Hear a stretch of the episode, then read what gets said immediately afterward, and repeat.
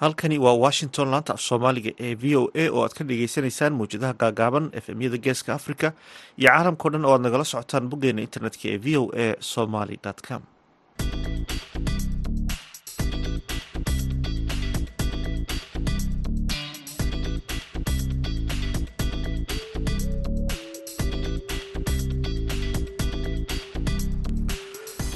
duhur wanaagsan dhegeystayaal waa maalin salaaso ah bisha nofembarna waa sideed sanadka labada kun labayo labaatanka. Afrikada bari saacaddu waxay tilmaamaysaa kowdiiyo barkii duurnimo.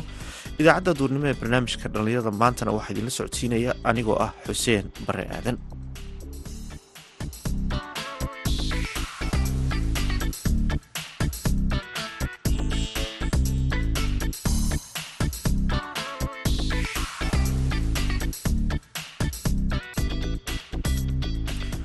qodobada ad ku maqli doontaanna waxaa ka mid ah urur dhallinyaro oo laascarood ku qabtay tartan ciyaareed. Ujeedkiisuna uu yahay isdhexgalka bulshada.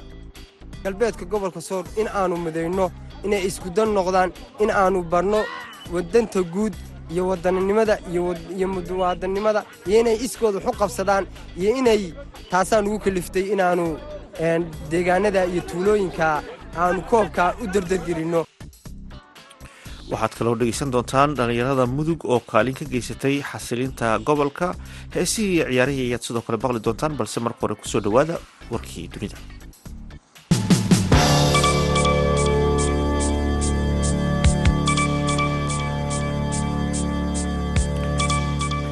Maamulka kurdiyiinta ee gacanta ku haya deegaano ka tirsan waqooyiga suuriya ayaa sheegay in tiradii ugu badnayd ee haween iyo carruur ajaanib ah oo lala xidhiidhinayo kooxda daacish ay dalalkoodii dib ugu laabteen. Sanadkan sanadkan ayaa waxaa dib u laabtay in ka badan shan boqol oo haween iyo carruur ah kuwaasi oo ay ku jiraan boqol ku laabtay dalka faransiiska iyo in ka badan konton oo ku laabtay dalka jarmalka. Dowladaha reer galbeedka ayaa muddaba ka warwareegayay inay aqbalaan celinta muwaadiniintooda looga shakisan yahay in ay xidhiir la leeyihiin kooxda xagjirka ah iyadoo ay barbar socoto cabsida laga qabo in kooxdani ay dib u soo laabato. Welina waxaa xerooyinkaasi ku sugan in ka badan toban kun oo haween iyo carruur ajaanib ah. Jake sullivan oo ah la taliyaha amniga qaranka ee aqalka cad ayaa xaqiijiyey in ay jiraan wadooyin isgaarsiineed oo weli u furan washington iyo moscow inkasta uu socdo dagaalka ukraine sullivan ayaa sheegay in isaga oo ku sugan magaalada new york in danta maraykanku ay ku jirto in la sii wado xidhiirka dowladda ruushka. Laakiin waxauu ku adkaystay in saraakiisha maraykanku ay si fiican u fahmeen cidda ay la macaamilayaan. Hadalkan ayaa yimid kadib markii aqalka cad ee maraykanku uu diiday in uu beeniyo. Wararka sheegaya in la taliyaha amniga qaranka ee maraykanka uu hogaaminayo wadahadallo uu ruushka la yeelanayo si looga hortago xiisadda nukliyeerka ee laga cabsi qabo ee dalka ukraine.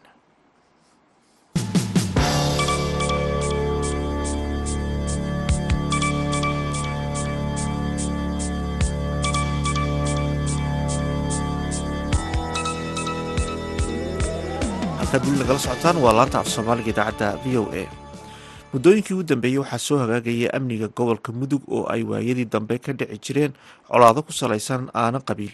Dhallinyarada gobolka ayaa kaalin ka geystay xasilinta gobolka. Warbixin arrintaasi ku saabsan waxaa soo diray wariyaha v o eda cabdiwaaxid macalim isxaaq inkastoo labadii sane ee la soo dhaafay gobolka mudug uu deganaa haddana sannado ka hor mudug waxay ahayd goob colaadeed taasi oo sababtay burbur iyo barakac. Ha yeeshee dadaallo xoogan oo la geliyey sidii looga shaqayn lahaa nabadda gobolka mudug ayaa noqday mid lagu naaloodo muddo.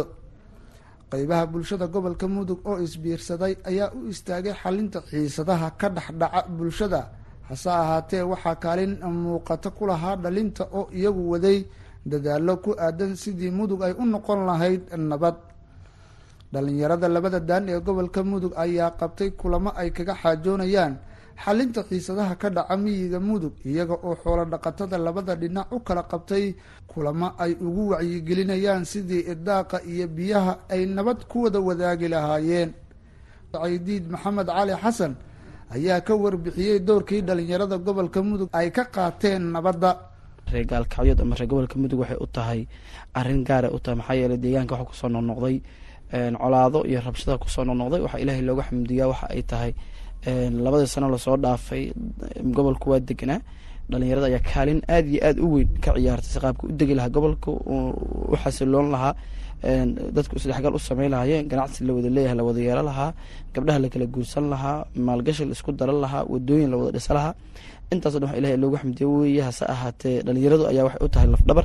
Maxaa yeele waxay sameeyeen barnaamijyo dhalinyaradu isugu timaado kulamo waaweyn ah. Waxay taheen goobo colaada ka dhaceen. Waxay kala wareejiyeen xoolo. Intaasoo dhan dhalinyarada ayaa sameysay. Awoodda ilaahay bayna ku timid. Maanta waa maalinta labaad oo gaalkacyo laga xuso oo weliba si wada jir ah loo wada xuso. Sanadka hore dhalinyarada soomaaliya o dhan baan ku casuunay gaalkacyo inay isugu yimaadaan. Isteedyada oo dhan iyo caasimadda intaba isaga yimaadeen.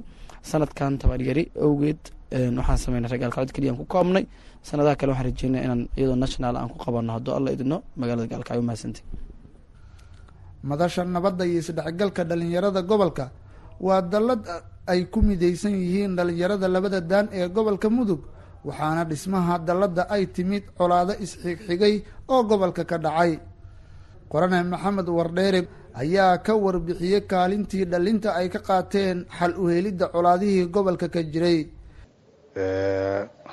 madasha nabad iyo isdhexgalka dhalinyarada gobolka mudug waa madal u taagan nabadda iyo isdhexgalka dhalinyarada gobolka mudug waxaad la socotaan gobolka mudug inuu yahay gobol soddonkii sano ugu dambeysay ragaadeen colaado sokeeye. Gaar ahaan laba kun shan toban laba kun lix toban laba kun todobiyo toban inay aada u soo lalaabteen colaado. Markaas bay waxay u saartay dhalinyarada gobolku oo ka kooban gobolka mudug puntland iyo galmudug iyagoo ah inay u istaagaan. Xal helidda colaadaha soo lalaabanaya runtii waxaan isku daynaa marka horeeto inaan hal hal iyo laba laba isku nimaano kadibna in ay dadku ay soo bataan. Kadib in la sameeyo magacan iyo foramkan sidaas daraaddeed waxaan sameynaa wacyigelin ku saabsan dhalinyarada gaar ahaan bahda waxbarashada sida iskoolada dugsiga sare iyo jaamacadaha. Kadibna waxaan sameynaa banaanbixi weynaa oo dhacay tobankii kaas oo meel kastoo adduunka laga ogaaday oo ah banaanbixi ugu horreeyey ay sameeyaan reer gaalkacyood ay kuna diidahayaan colaadda kuna dalbanayaan nabadda. Sidaas daraaddeed baa wax dib u soo noolaaday in dowladda federaalk soomaaliya ay keento ciidan in la sameeyo guddiga nabadgelyada gobolka mudug oo guddiga odayaasha ah. Saas wax loo wada qayb qaatay kambeynkii nabadda. Waxaa la socotaan laba sana iyo bar nabaddaas inay najaxday walow ay dhadhacayeen shilal dhinaca miyiga ah. Haddana aan badnayn oo mararka qaar dhinaca miyiga ah wax ka dhadhacayeen haddana mayse badnayn waxaa la socotaan laba sana ugu dambeysay magaalo inay isdhexgal iyo amni iyo meel walba inay ka jirtay sidaas daraaddeed dhalinyarada waxay u taagan tahay mar kasta inay ka qayb qaato doorka ay ku leeyihiin bulshada dhexdeeda taasoo ah inay wacyigeliyaan dadka inay u sameeyaan dhiirigelimo kale inay u sameeyaan isdhexgal inay is aaminaan in ay dhalinyaradu dhinac kasta u socoto magaalada dhexdeeda waana midda maanta ay gaalkacayo ay meel kastoo aragtay ay isu socoto. Waxaan u mahad celinaya cid ka soo qayb qaadatay sida maamulada guddiga nabadgelyada iyo qeybaha bulshada sida ganacsatada adduunka iyo haweenka. Marka aada mahadsantihiin. Cabdiwaaxid macalin isaaq v o a gaalkacyo. Markana dhegeystayaal waxaad ku soo dhawaataan mid ka mid a heesaha aan idinku tala galnay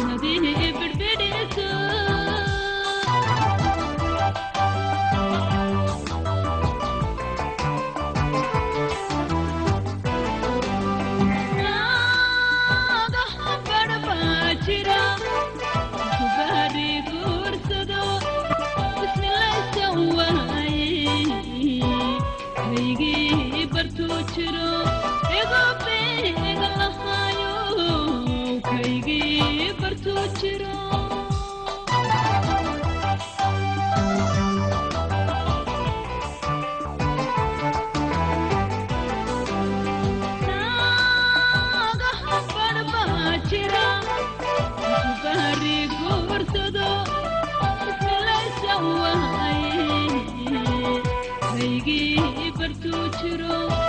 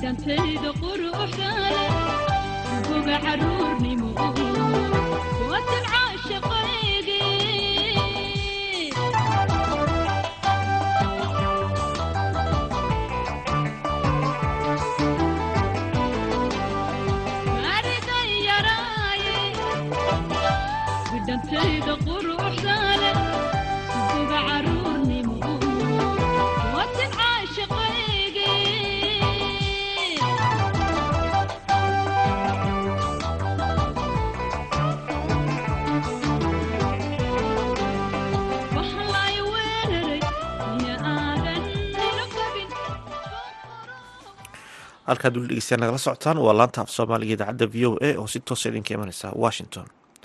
Ururada bulshada rayidka ee gobolka sool ayaa bilaabay tartano ciyaareed oo ujeedadoodu ay tahay in isdhexgal ay sameeyaan dhallinyarada gobolkaasi. Warbixin arrintaasi ku saabsan waxaa soo diray wariyaha v o eda lascaanood cabdikariim olol. Ururada bulshada ee gobolka sool ayaa bilaabay tartano kala duwan iyo ciyaaro ay isugu keenayaan dhallinyarada deegaanka yaguuri ayaa dhowaantani lagu qabtay tartano kala duwan kuwaas oo isdhexgal loogu sameeyey sideed deegaan oo tuulooyinka gobolka sool ka mid ah gaar ahaan tuulooyinka ku yaalla galbeedka gobolka sool. Dhallinyarada ururada haldoor ee magaalada yaguuri ayaa sheegay in ay tahay tartan ay doonayaan in lagu ciribtiro tahriibka sidoo kalena lagaga hortago qabyaaladda iyadoona dhallinyaradana ay isugu yimaadeen kulamo kala duwan oo dhallinyarada lagu wacyigelinayo dhibaatooyinka dhallinyarada haystana lagaga hortegayo barkhad cabdi jaamac waa guddoomiyaha ururka haldoor ee gobolka sool waxa uu sheegay inay tartamadani u qabanayaan sida ay dhallinyarada ay isu dhexgelin lahaayeen. Ajendahayagu waxay ahayd isdhexgalka dhallinyarada la dagaalanka tahriibka la dagaalanka qabyaaladda iyo in dhallinyaradu aysan tahriibin oo aysan dhulkooda ka tegin oo aysan wax kastoo xumaana aysan ku dhiiran laakiin haddii dhidhiirgeliyo oo koob loo qabto oo la dhiso in ay dee mustaqbal yeelan doonaan. Kaasoo waxqabadkayga koowaad aanu ka dhignay in dhallinyarada la dhiso iyo mustaqbalkii jiilka cusub ee soo socda. Maxaa idinku khasbaynaya inaad tuulooyinka isu keentaan oo ciyaarsiisaan marka laga yimaado tahriibka iyo qabyaaladda? Galbeedka gobolka sool in aanu midayno inay iskudan noqdaan in aanu barno wadanta guud iyo wadaninimada iyo muwaadannimada iyo inay iskooda waxu qabsadaan iyo inay taasaa nugu kaliftay inaannu deegaanada iyo tuulooyinka aanu koobka u derdergelinno annaguna aanu nahay galbeedka gobolka sool taasaa nugu kaliftay cabdikariinow mushkiladda tahriibka bal iga war. In ay qaar tahriibeen in qaar balwaddii ay barteen in qaar qabyaaladii dib u soo celiyeen in magaalooyinkii iyo nabaddii oo ay dee deegaamada gobolka sool oo kale ay dagaal ka dhici jireen in aanu ku dhiirigelinno marka tan nugu kaliftay waxay tahay in aanu dhallinyaradii mooralkeeda aanu dib u soo qaadno nabadda iyo horumarka iyo dhallinyarada iyo wadannimada iyo danta guud. Sidii looga shaqaan lahayd aanu barno hase ahaatee waa waxqabadkii koowaad. Laakiin ururkayagu waxqabado fara badan oo arrimaha bulshada oo danta guud baanu ku xiji doonnaa hadduu alle idmo. Dhalinyaradan ayaa sheegay inay iyagu iskood isu abaabuleen sidoo kalena dhaqaalaha ay iska ururiyaan. Cabdiqaadir maxamed xasan oo isaguna la hadlaya barnaamijka dhallinyarada ee laanta afka soomaaliga v o a ayaa sheegay in dadaalkani uu yahay mid ay dhallinyarada ku taageerayaan sidii ay horumar u samayn lahaayeen oo ay koobab ugu dhigayaan. Sidoo kalena abaalmarin ay ku siinayaan tartamo ay u qabteen. Runtii wax wasaarada ama wax yacni urur kale aanan ka helayn gacanqabad waxaanu ku taageeray dhallinyarada dhanka yacni hadday noqoto martigelintooda udhigista koobka ilaa faynal iyo abaalmarintooda. Intaasaan ka taageeran dhallinyarada. Waanuna isu keenay deegaamada dhanka isboortiga dhanka yacni runtii waxbarashada caafimaadka arrimaha bulshada intaba deegaanada inaan kula shaqayno garoonkan lagu ciyaaraya waa ciid waa dhagax. Waxyaabaha diraysaan maxaa ka mid a sidii wax looga qaban lahaa. Runtii waxaan halkan baaq uga dirayaa jaaliyadda deegaanka oo runtii aada horumar ballaadhan ka fulisay gaar ahaan sida dhismaha cusubtooyinka waddooyinka waxyaabaha noocaasa. Waxaanu kula talin lahaa ama aan u dardaarmi lahaa inay garoonkan runtii wax ka qabtaan. Annagana runtii qorshaha wuu noogu jiraa inaanu garoonkan degmada iyo goori ay runtii oo baahi aada weyn u qabto inaan una dhisno wixii karaankeega ciddii aanu la kaashan karanana aanu la kaashanno. Siciid axmed xaajo oo isagu ka mid ahaa ciyaaryahanadii u ciyaarayay kooxihii tartankaasi halkaasi uga socday ayaa ii sheegay in isbeddel ballaadhan oo dhanka isdhexgalka dhallinyarada laga sameeyey deegaanadani. Ciyaarahani waxa weeye isdhexgal bulsho uun. Wax kaloo macnaa ay leeyihiin ma jirta in bulshada isku dhex gasho degmooyinku isku dhex galaan. Muhiimaddii laga lahaa ammaanka isdhexgalka dhallinyarada in la isbarto boqolaal qof aan isku baranayo degmooyina. Intaasaa sharafii ah. Oo ugu horreeya ururkii koobka dhigay oo dhallinyaro ah oo isku hawla iyagoo aan meelna laga fangaraynayn. Aad iyo aad baan u salaamaya ururkan waan bogaadinaya. Ururada kalena waxaan u sheegayaa inay ka soo qayb galaan oo dhallinyarada garab istaagaan aad iyo aad baan u salaamaya. Bal ka waran ciyaaraha waxyaabaha lagu yaqaano waxaa ka mid ahaa dhallinyaradu waxay ku adkayd xagga samirka iyo in hadhow ciyaarta isfahandarra dhacdo. Weli ma laga gudba caqabadahaas mise weli way taagan yihiin aad iyo aad ololow waxa waxaa keeni jiray awalba in dadku bislaan waayaan waxay ahayd tartamaan jiri jirin. Marka qof walba waxay noqonaysaa inuu tartanka quree la qabanayo ka faa'iidaysto. Laakiin hadda maasha allah meel walba tartan baa ka furan. Gobolladii degmooyinkii tuulooyinkii waad aragtaa degmo hadda degmooyinkii baa soo xidhmay degmooyin kalaa bilaabmay haddeer degmooyin kalaa la qabanaya marka dadku way bislaadeen oo ciyaarihii baa u suurtoobay oo ciyaarihii baa loo qabanaya aad iyo aad wax badan baa iska bedelay dadkina way bislaadeen guud ahaan dhallinyarada ayaa weli dhibaatooyinka haysta gobolka sool ay ka mid tahay tahriibka cabdikariin nolol v o a magaalada laascanood halkaad weli nagala socotaana waa laanta af soomaaliga idaacadda v o a oo si toosa idinka imaneysa washington dowladda britain ayaa caddeysay in aanay qorsheyneyn inuu qorsheysan tahay ra'iisul wasaare rishi sunak inuu u socdaalo tartanka koobka kubadda cagta ee adduunka ee ka bilaabmaya dalka qatar si uu taageero ugu muujiyo mandiqadaha england iyo welshka inkastoo aanay dowladdu mamnuucin in xubnaha baarlamaankuna ay u socdaali karaan dowxa warbixin ku saabsan amuurtan waxaa magaalada london inooga soo diray wariyaha v o eda qaaradda yurub cabdixaafid cawil ismaaciil tan iyo intii ay dowladda qatar ku guulaysatay inay marti qaado tartanka kubadda cagta ee bishan ka bilaabmaya waddankaasi. Waxaa jiray kooxo sheegay in ay u doodaan xuquuqda aadanaha oo ka dhan ahaa in dalkaasi lagu qabto cayaarahan iminka waxaa soo badanaya ururada taageerayaasha kubadda cagta madaxda iyo magaalooyinka xaqiijiyey inaanay tegaynin tartankaasi. Iyaga oo qiil ka dhigay waxa ay ku sheegeen nidaamka xuquuqda aadanaha ee dalkaasi saliidda qaniga ku ah. Afhayeenka rasmiga ah ee xafiiska ra'iisul wasaaraha britain ayaa sheegay in aanu rishi sunak qorshaha ugu jirin inuu socdaalo qatar waxa aanay sheegeen inay warbixin ka soo saari doonaan marka uu xilliga tartanku bilaabmayo soo dhowaado xoghayaha u qaabilsan dhaqanka xisbiga mucaaradka ee dalkan britain lucy bowell ayaa bishii hore sheegtay in aanu xisbigeedu wafdi u diraynin iyadoo oo sabab uga dhigtay sida ay hadalka u dhigtay qaabka ay dowladda qatar ula macaamisho dadka isku jinsiga ah ee xidhiirka sameeya iyo qaabka loola macaamilo muhaajiriinta wadankaasi ka xoogsata. Wasiirka koowaad ee madaqada walashka mark drakeford ayaa sheegay in isaga iyo laba mas'uul oo ka tirsan dowladiisu ay tegi doonaan qatar si ay uga qayb galaan daawashada tartanka isaga oo sheegay inuu fursadaasi uga faa'iideysan doono muujinta madaqada walashka iyo diblomaasiyadda. Wafdida walashka ayaa la sheegay inaanay ka qayb geli doonin cayaarta dhex mari doonta walashka iyo iiraan iyaga oo ku muujinaya sida ay uga soo horjeedaan gabadhii labiyo labaatan jirka ahayd ee mahsa amini oo ku dhimatay shooki ku yaalla magaaladaasi iyadoo ay booliisku gacanta ku hayaan. Dadka ka faalooda arrimaha bariga dhexe ayaa iyaguna aaminsan in haddii madaxda waddamada reer galbeedka iyo ururada ka shaqeeya dalalkaasi aanay tegin qatar oo ah wadan caalamka miisaan weyn ku leh aanay saameynba ku yeelan doonin. Cabdiraxmaan aadan ruush xadaana oo ah falanqeeye ayaa isaguna sidaasi qaba. In dowladda qatar waxa ay u aragtaa inay tahay arrin kibira. Wasiirka arrimaha dibadda ayaa arrintaa ka hadlay wuxuu ihi dadka noo diidan inaan kubadda ku qabs in kubadda lagu ciyaaro qatar waxay yihiin dad kibirsan ayuu markaasi isticmaalay. Waxaanay ka xun yihiin buu ihi in dowlad yar oo ku taalla bariga dhexe inay qabato mondiyaal amba kubad caalamiya noocaas oo kale ah. Marka qatar waxaan wax weyn uma aragto. Nimanka siyaasiyiinta ee qatar iyo khaliijka iyo carabtuna waxay u arkaanuun yurubood moodo imika in dhaqaalaheeda aada u hooseeyo inay ku baryayaan amba ay doonayaan inay ku cadaadiyaan dhaqaalo fara badan ay siiso dowladahaas. Laakiin uma joojinayso qatar umana aragto wax weyn in waxa weeyaan ay soo kordhinayaan. Haddiiba ay waxa weeyaan ay ku dacaydeeyaan in aanay xuquuqul insaanka ogolayn.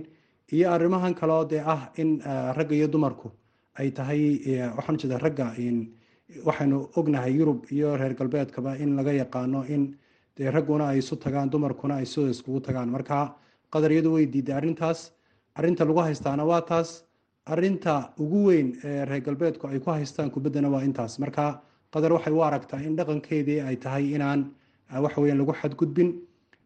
Waxa weeyaan wixii arrimahaas oo dhan amaba thaqaafada ay iyagu ay haystaan ee carabnimo iyo islaamnimona. Wixii ka hor imanayaan inaanay marnaba u dulqaadanahayn sida dowladaha kaleba aanay u dulqaadanahayn waxyaalo liddi ku ah dhaqankooda.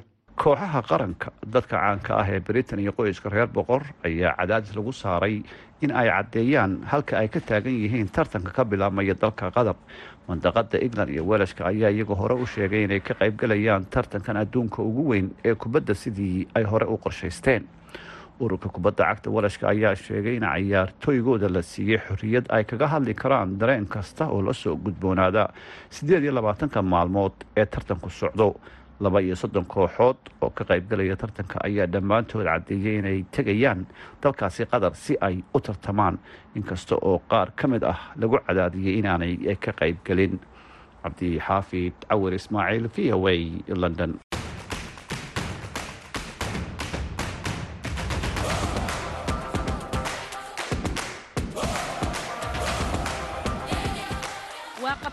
qabsoomidda ciyaaraha adduunka ugu weyn ee ka dhacaya sannadkan labada kun iyo laba iyo labaatanka dalka qatar. Ku soo biir v o eda si aad ugu dabaaldegto ciyaaraha boqorka afrika.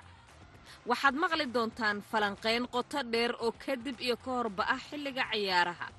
Xidigihii soo baxay wararkii kuwa guulaha gaaray tababarayaasha cayaartooyda iyo dabcan maankaagaba yaysa ka bixinay taageerayaasha afarta koone ee qaaradda magaalada dooxa waxaan halkaasi joogi doonnaa inta tartanka uu socdo.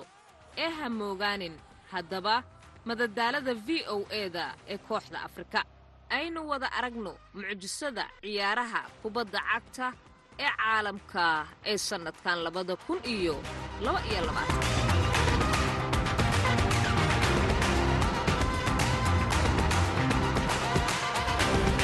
markana dhegaystayaal ku soo dhowaada mid ka mid a heesaha aan idinku talagalnay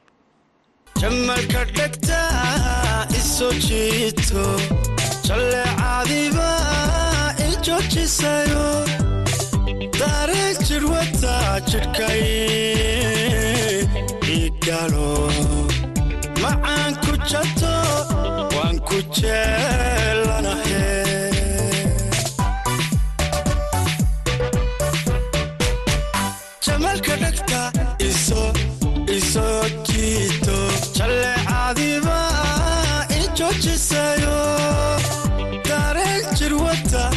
jidhkay igalo. Macaan ku janto waan ku jeelanahe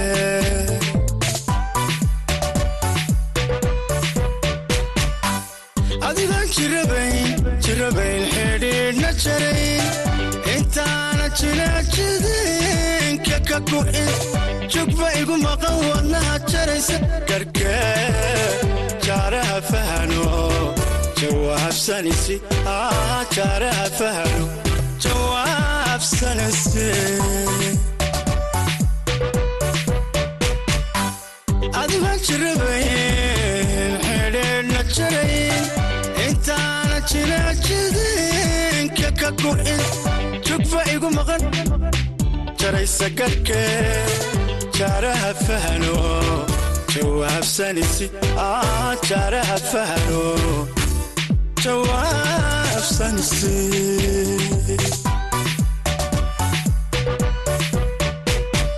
jawiga kalgacay kuwaa joogtayntii jandheerta ciyaar anjiifta tunne jandheerta ciyaar ciyaar anjiifta tunne halkaad jirtaybay naftii jamatee soo jeesa marwoy jaalbaynu nahe soo jeesa marwoy jaalbaynu nahe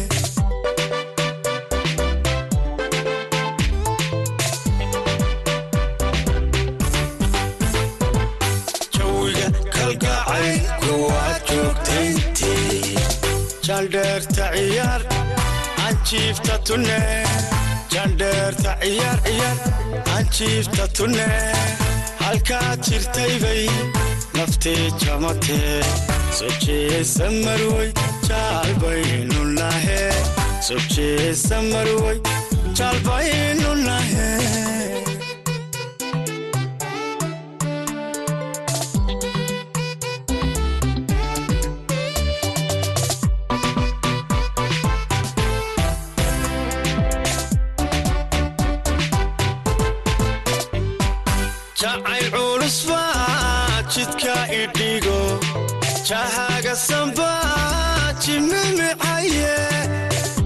jujuubi dartaa jiqbaan ku sigto juubaha kalaho ku soo jiriye